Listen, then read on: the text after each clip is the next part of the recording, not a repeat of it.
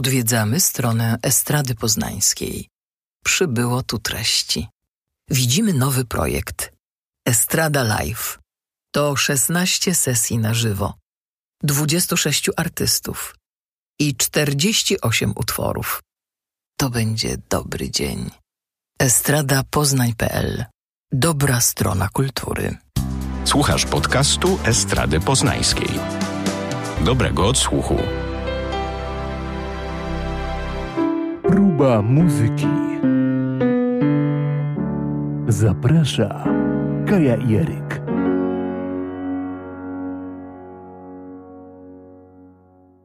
Trzydziesta trzecia próba muzyki i przed nami absolutnie wyjątkowe, magiczne spotkanie z czarodziejskim człowiekiem. Jak zaczęłam słuchać muzyki bardziej świadomie, e, to e, oczywiście weszłam w świat jazzu jak dla mnie było oprócz oczywiście znakomitych, y, szeregu znakomitych muzyków i pianistów y, jazzowych, była taka święta trójca zawsze, która, y, którą wielbiłam, chłubiłam i do dzisiaj zresztą tak jest. To był Kid Jarrett, to był Herbie Hancock i Chick Corea. I niestety właśnie kilka dni temu się okazało, że jednego z nich już nie ma wśród nas, co było ogromnym zaskoczeniem dla mnie i pewnie dla całego świata również, ponieważ Chick Corea bardzo się udzielał ostatnimi czasy i robił bardzo dużo, prowadził swój kanał na YouTubie. No i pomimo tego zblokowania światowego, lockdownu, aktywnie docierał do wielu. Tak, i zresztą e, pomimo tego, że miał 79 lat, to wcale na te lata nie wyglądał. Wyglądał bardzo dobrze e, i to nawet lepiej niż e, wcześniej, jak miał lat 50 czy 60. I był bardzo taki pełen życia. Był taki żywiołowy, pozytywny, tak jakby się w ogóle nic nie miało wydarzyć. I nagle taki cios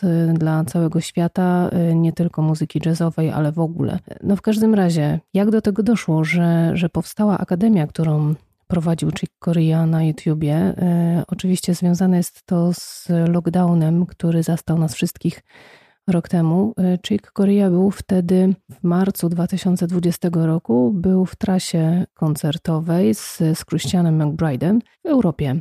I jak to sam opowiadał, jak się dowiedzieli właśnie, że, że wszystkie lotniska mają zostać zamknięte, to akurat się e, udało im dostać na ostatni jakiś taki możliwy y, transport y, z Europy do Stanów Zjednoczonych z powrotem, że udało im się wrócić. I wtedy zaczął się zastanawiać, co by tu zrobić, y, skoro mamy lockdown i nie możemy koncertować. Bo tak, Chick Corea oczywiście cały czas, pomimo tego, że większość ludzi na całym świecie w tym wieku już jest na emeryturze, to on nadal koncertował i nagle nadal jeździł w trasy koncertowe. I wtedy ktoś mu podpowiedział, że może przecież na na którymś z portali społecznościowych transmitować swój koncert, co też zrobił. I jak to sam opowiadał potem, te koncerty właśnie otworzyły się na publiczność, otworzyły się na te komentarze i ludzie pisali do niego, zadawali mnóstwo pytań, bo to w większości te pytania zadawali e, muzycy, po prostu chcieli wiedzieć, jak to zrobił, czy tam to zrobił. I on się otworzył na te pytania, zaczął rozmawiać z tymi ludźmi i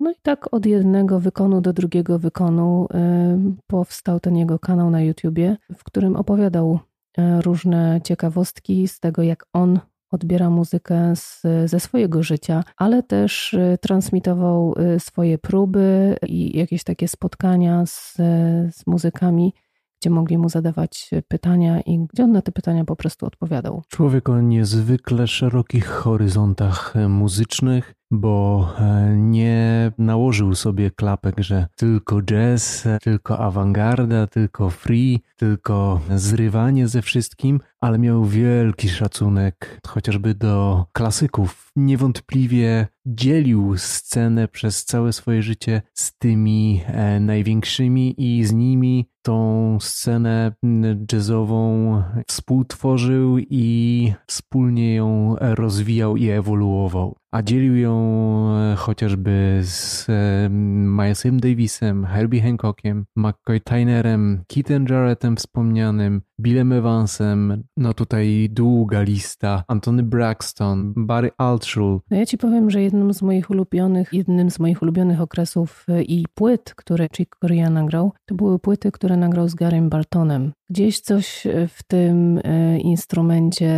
w wibrafonie Garego też jest takiego magicznego i oni jak połączyli swoje siły, to no jest to, jest to coś, przynajmniej dla mnie. No ale e, ten okres w jego życiu, gdzie z Milesem dzielił scenę, też, też był absolutnie tak, znaczy, wspaniały, był... wyjątkowy. Czy ten okres, y, kiedy grał chociażby z Stanleyem Clarkiem na y, kontrabasie, Lenym White'em na perkusji, Billem Connorsem na gitarze i z Florą Purim na wokalach i z Joe Farrellem na, na saksofonie i fletach. Chick właśnie w jednym z tych swoich z tych takich, nie wiem czy można to nazwać lekcji, czy właściwie takich live'ów, gdzie odpowiadał na pytania, mówił o tym, odpowiadał komuś na pytanie, jak ćwiczyć, jak e, udoskonalać swoje umiejętności e, muzyczne jako muzyka, jako instrumentalisty, to on mówił o tym, że bardzo dobrze jest e, nagrywać siebie z jednej strony. Najpierw w ogóle wziąć sobie na warsztat jakiś utwór, jak my chcielibyśmy go zagrać, jak nam się najbardziej podoba i dążyć do tego ideału, nagrywając siebie, sprawdzając, co poprawić i tak dalej, ale mówił też, że przede wszystkim trzeba zacząć grać z innymi, a w szczególności szczególności z takimi, którzy nam się bardzo podobają, bo wtedy się od nich najwięcej uczymy. I właśnie to jest taka ciekawa e, historia, która była ze wspomnianym przez ciebie Milesem Davisem, bo zarówno Kit Jarrett, jak i Herbie Hancock i Chick Corea oczywiście to byli muzycy, którzy grali z Milesem Davisem. Miles Davis w ogóle był e, postacią, która była geniuszem muzycznym, e, nie tylko ze względu na to, jak on potrafił grać. Byli tacy krytycy, którzy mu odbierali te umiejętności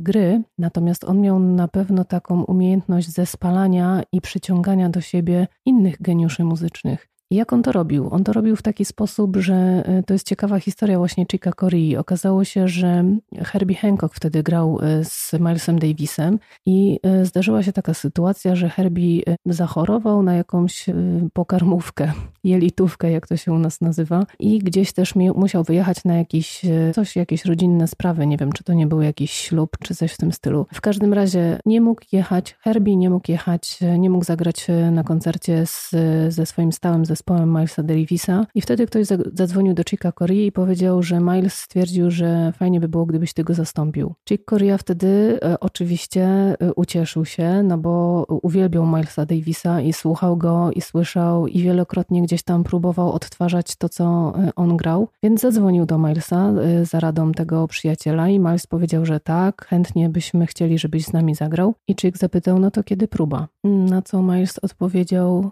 nie, nie, nie, przyjeżdżasz od razu na koncert. Dzieci Koreas... Żywioł. Tak, on się bardzo wystraszył i powiedział, jak to na koncert, bez żadnej próby, jak ja, co ja mam grać w ogóle? Nie wiem, nie mam pojęcia nie w ogóle wiem, od czego pięć. zacząć i jak, jak to ma wyglądać. A Miles mu wtedy powiedział, bądź po prostu sobą i miej z tego radość. I graj to, co słyszysz. No i tak się też stało. No i Chick y, został z Milesem na jakiś czas, aż y, zdaje się bodajże do nagrania płyty Beaches Brew, którą y, nagrał wspólnie z Milesem Davisem i wspomina to jako naprawdę bardzo ciekawą współpracę i jedną z najważniejszych chyba w jego życiu. No nie sposób też nie wspomnieć o jego Electric Bandzie, no i tym wyjątkowym triu e, akustycznym, Acoustic Band, gdzie no absolutna czołówka bardzo ruchliwa w sposobie swej gry, czyli John Patitucci na basie i Dave Weckl na perkusji. Co to była za sekcja rytmiczna? A jeszcze wspomniałeś o tym, że e, Chick Korea bardzo uwielbiał takich e, kompozytorów klasycznych jak e, Mozart czy Beethoven. Oczywiście, czy Bach. E, czy Bach, tak. Oczywiście tak było, ale on też zapytany o to, czy, czy on się w ogóle uczył teorii muzyki, odpowiedział, że no, no tak, jak miałem te 4 czy 5 lat i mój ojciec, ponieważ ojciec Chica Corea też był muzykiem, zaczął uczyć mnie gry na fortepianie, bo byłem zainteresowany tym instrumentem, to y, po prostu postawił nuty na pulpicie, y, zagrał D i pokazywał mi, ponieważ jeszcze wtedy nie był tak małym dzieckiem, że nie umiał czytać w ogóle nawet normalnego tekstu, tekstu, więc co dopiero muzyki, ale pokazywał mu znak graficzny i grał D i mówił to jest D. Pokazywał znak graficzny, grał G, mówił to jest G i tak dalej, i tak dalej. I on mówi, no i tak się nauczyłem. Oczywiście później były też pytania, y, jak się ma muzyka jazzowa do muzyki klasycznej. To jest bardzo ciekawa rzecz, o której y, mówił y, Chick Corea, że dla niego nie ma takiego rozróżnienia, że muzyka klasyczna, muzyka jazzowa czy jakakolwiek inna że muzyka przede wszystkim to są dźwięki, to, jest, y, to są dźwięki, które powinny da, dawać tobie przyjemność. I niezależnie od tego, czego y, słuchasz, jakiego rodzaju muzyki, to odczuwasz po prostu przyjemność. Każdy to jest bardzo subiektywne i każdy tę przyjemność odczuwa gdzie indziej, przy innym rodzaju muzyki, ale powiem ci szczerze, że jak słyszałam niektóre wykonania klasycznych utworów w wykonaniu Chika Corei, to nawet jeżeli on gra nuta w nutę, to co jest w nutach, to co jest w zapisie, to i tak to brzmi jazzowo, nawet jak nie improwizuje. Frazowanie, artykulacja, tak. absolutnie tak. On po prostu jazz ma we krwi i nie pokuszę się tutaj o powiedzenie, że nie potrafi inaczej, ale po prostu to jest, to było. To było całe jego życie, on był muzyką, on był po prostu jazzem. No ale tak jak wspominaliśmy, nie tylko tym jazzem żył i nie tylko w tych składach się odnajdywał, bo e, właśnie jeżeli chodzi o takie bardziej e, klasyczne podejście, to występował również z orkiestrą, bodaj londyńską, filharmoniczną orkiestrą, no i z kilkoma przynajmniej kwartetami e, smyczkowymi popełnił zarówno per performance w formie koncertowej, jak i nagrania. Nie stronił e, też od wycieczek w zupełnie różne rewiry, jak chociażby z Belą Fleck grającym na banjo, który doskonale w bluegrassie i w bluesie się czuł, a tu e, Chick e, potrafił się doskonale odnaleźć i gdzieś tam wtrącać te dźwięki na fortepianie niczym e, taper do obrazu, e, który muzycznie kreował właśnie Bella Fleck. No i jeżeli chodzi w ogóle o jego dorobek, to tak jak wspomniałam na, na początku o tym, że mimo tego, że miał 79 lat, no przed pierwszym lockdownem 78, to nadal grał, nadal koncertował, nadal wyjeżdżał y, w trasy i bardzo, bardzo dużo wydawał, bardzo był płodny. Nawet nie będę próbowała liczyć tych wszystkich płyt. Oczywiście wszystkich ich nie znam, Mam swoje ulubione y, nagrania Chica Corei, ale pierwszą płytę nagrał w 66 roku, wydał właściwie w 66 roku, a ostatnie nagrania również, również wiadomo, że tutaj są nagrania live'owe i płyty z rejestracji koncertów, ale wydawane są do, do dzisiaj właściwie.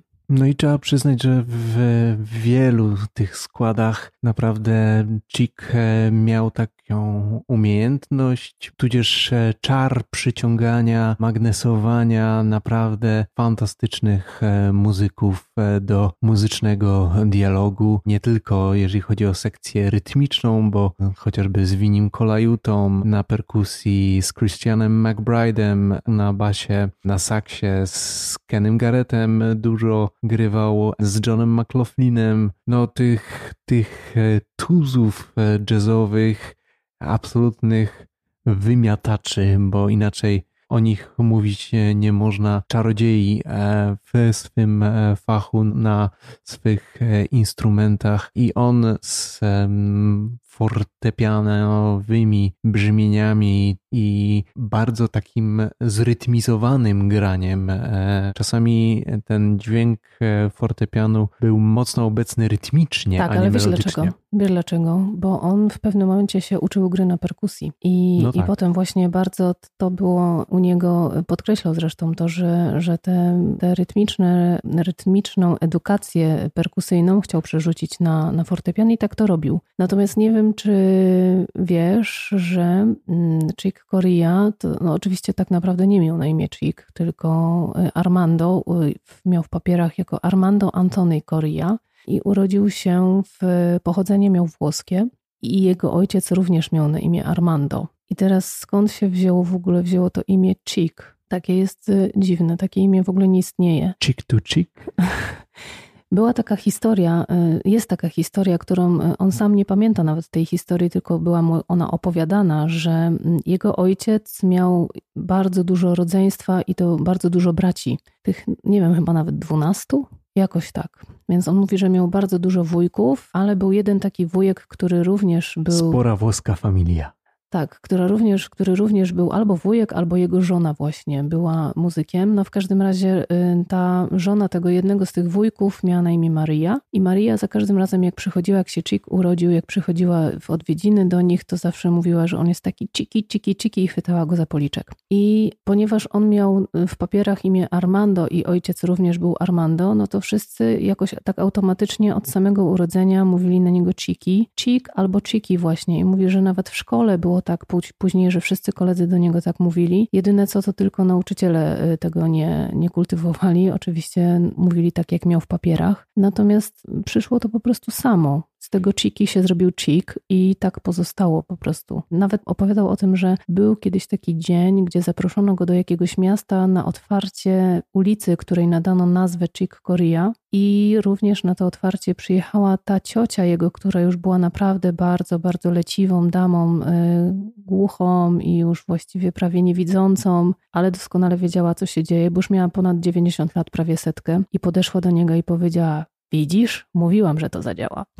No, ale to wystarczy spojrzeć e, na zdjęcia, na postać, e, na twarz e, Chica Corey, że faktycznie bardzo pogodna to postać. Bardzo będzie nam go brakowało, ale na szczęście pozostało mnóstwo tych nagrań, które e, pozostawił po sobie dla wszystkich muzyków, e, żeby korzystali z jego wiedzy, żeby podglądali jego umiejętności, naśladowali. Wielki muzyk, a przy tym fantastyczny człowiek e, i bardzo optymistyczny i pogodnie podchodzący do rzeczywistości. I tą radością i miłością do muzyki dzielił się i obdarzał wszystkich e, dookoła i z całą pewnością muzycznie będzie nam e, długo jeszcze towarzyszył. Dziękujemy Wam bardzo za uwagę. Oczywiście zapraszamy do odsłuchu e, playlisty i do usłyszenia za dwa tygodnie.